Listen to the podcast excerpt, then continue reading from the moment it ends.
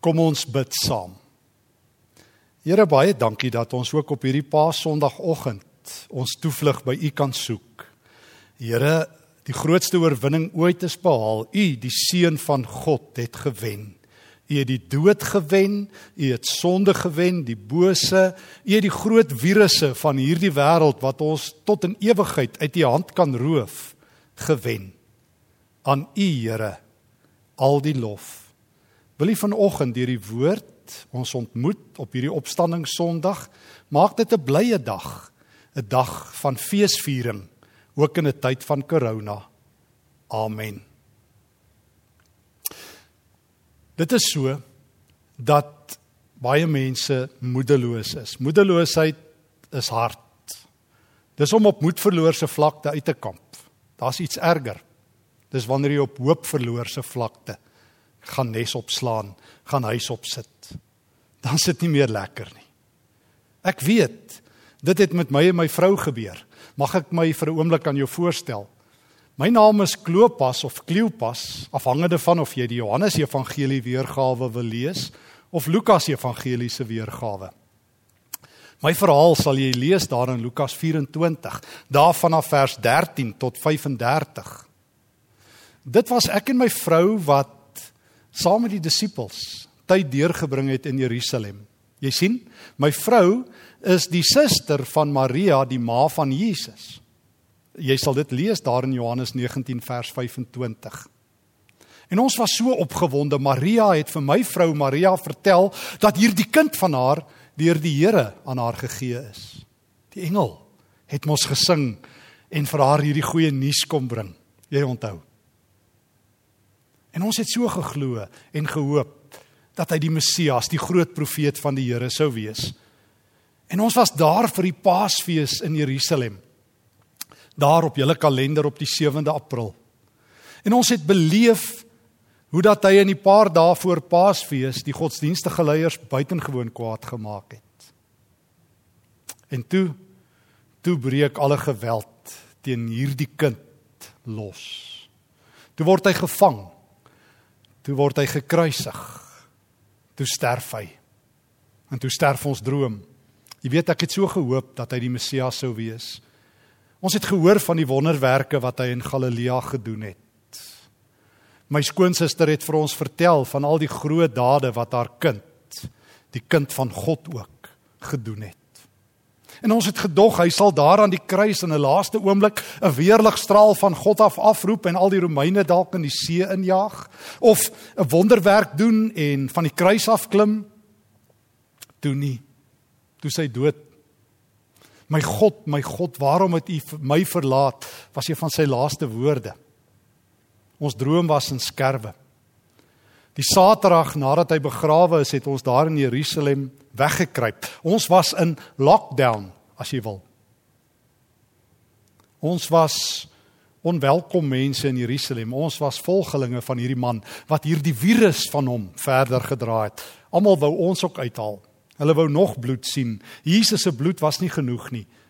En toe kruip ons weg, ek en my vrou en Maria en die ander disippels. En toe breek Sondagoggend aan. Stil Saterdag was verskriklik en toe Sondagoggend.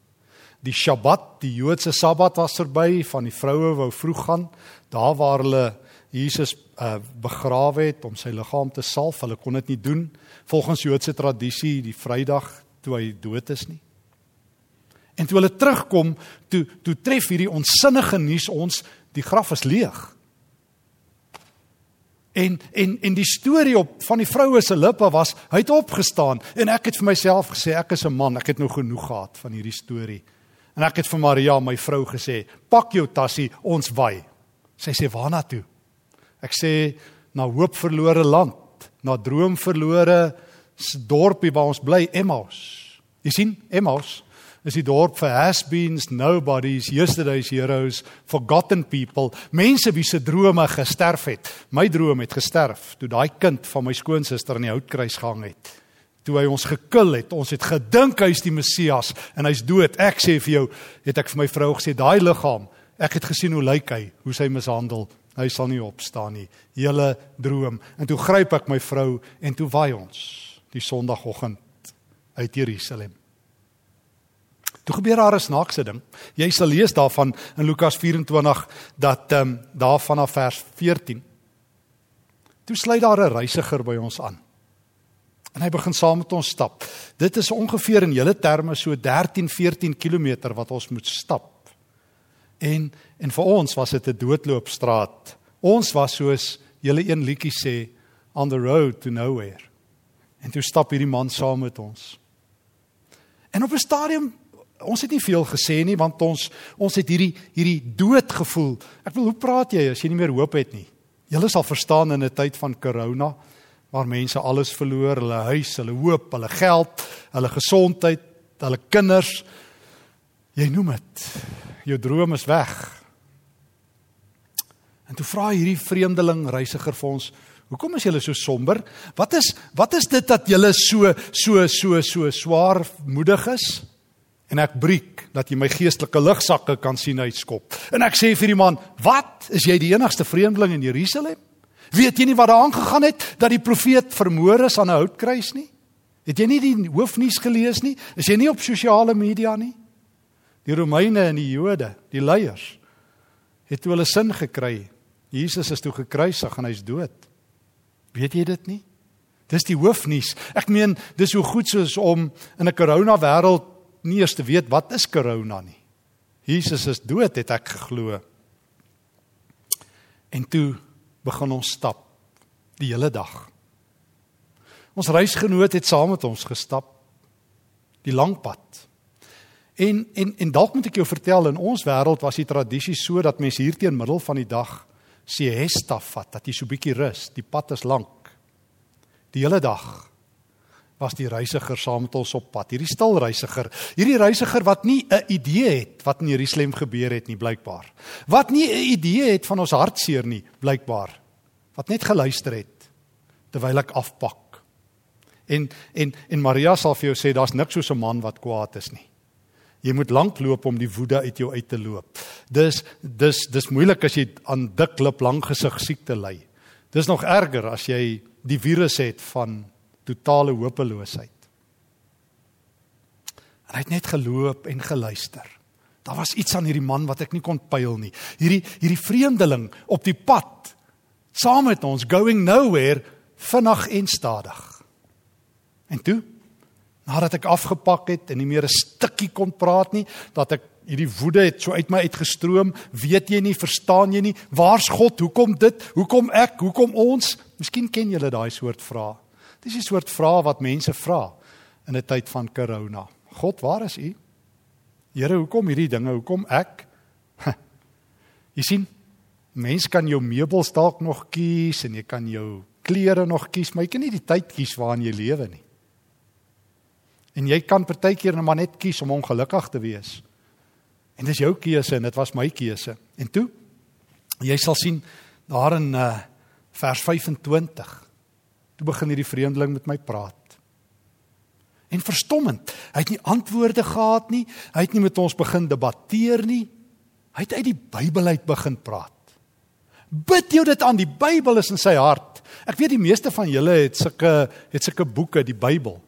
In ons dae was die Bybel in die sinagoges. Maar hierdie man, hierdie vreemdeling, God se woord was hier op sy hart en dit was op sy lippe.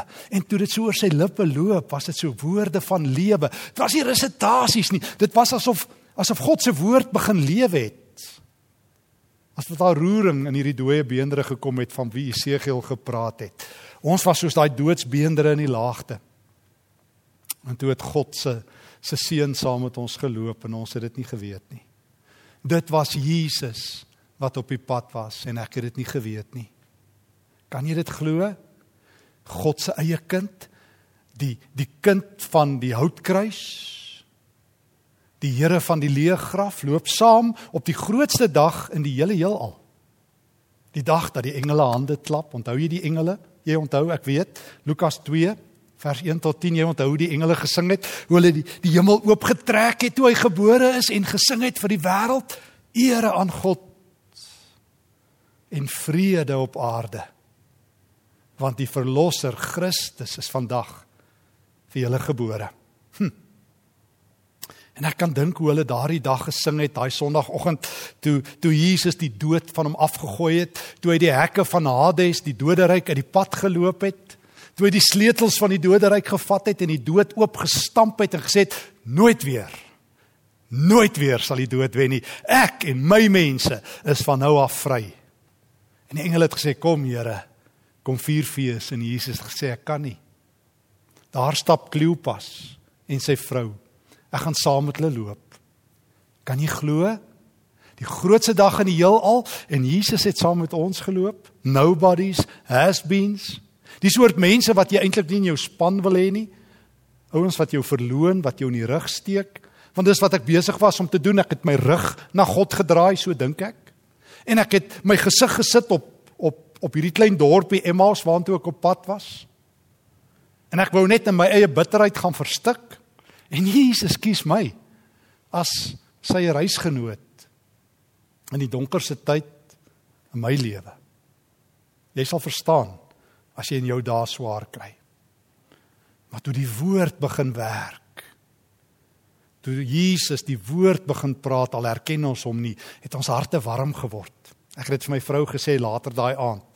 My hart het vlam gevat. Wat o, dit is wat God se woord doen. Ook in 'n koronatyd, ook op opstanding Sondag, vat dit vlam. Steek dit jou lewe aan die brand. O, jy kan nie anders nie, want die Heilige Gees dit is sy swaard.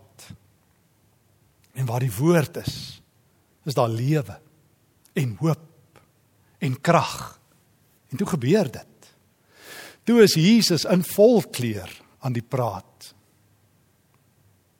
Ons was verstom.